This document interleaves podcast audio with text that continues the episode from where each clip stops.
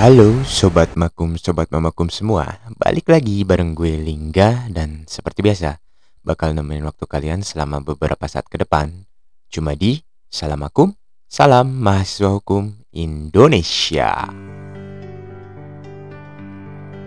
Sobat Makum, Sobat Makum semua Bahasan edisi podcast kali ini gue bakalan bahas mengenai penalaran. Dan kadang ada terdapat kesalahan-kesalahan dalam hal penalaran seperti halnya yang disebutkan e, kesesatan atau fallacy. Nah, dan bahasan podcast kali ini akan mengacu pada buku karangan dari Philippus M. Hajon dan Tatik Sri Jatmiati yang berjudul Argumentasi Hukum. Oke, langsung aja ya. Kesesatan dalam penalaran bisa terjadi karena yang sesat itu karena sesuatu hal kelihatan tidak masuk akal. Kalau orang mengemukakan sebuah penalaran yang sesat dan ia sendiri tidak melihat kesesatannya, penalaran itu disebut paralogis. Kalau penalaran yang sesat itu dengan sengaja digunakan untuk menyesatkan orang lain, maka ini disebut sofisme. Penalara, penalaran dapat sesat karena bentuknya tidak sohih atau tidak valid. Hal itu terjadi karena pelanggaran terhadap kaidah-kaidah logika Penalaran juga dapat sesat karena tidak ada hubungan logis antara premis dan konklusi. Kesesatan demikian itu adalah kesesatan relevansi mengenai materi penalaran. Model kesesatan yang lain adalah kesesatan karena bahasa.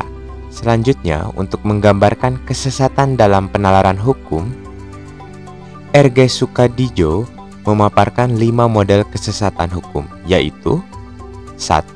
Argumentum ad ignorantiam 2. Argumentum ad verecundiam 3. Argumentum ad hominem 4. Argumentum ad misericordiam 5. Argumentum ad baculum Ilustrasi atas lima model kesesatan tersebut juga dikemukakan oleh Irving M. Covey.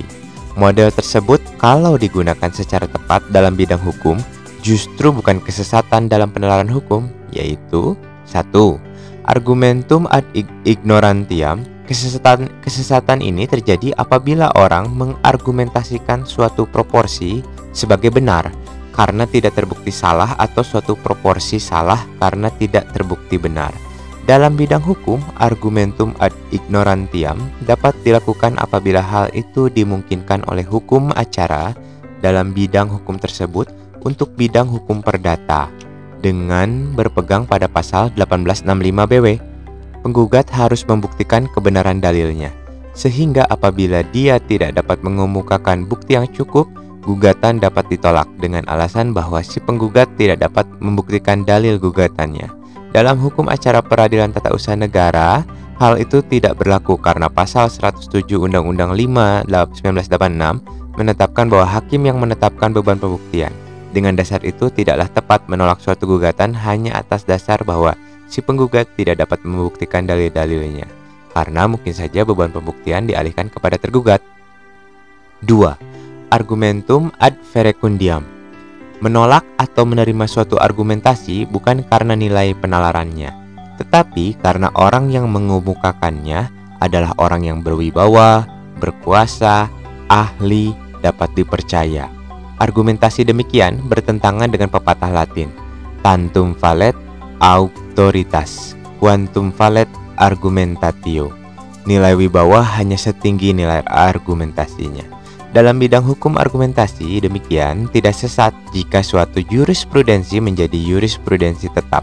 Contoh, untuk kriteria perbuatan melanggar hukum oleh penguasa sebagai jurisprudensi tetap dianut putusan Mahkamah Agung nomor 838 K garis miring SIP garis miring 1972 yang terkenal dengan sebutan kasus Yoso Pendoyo.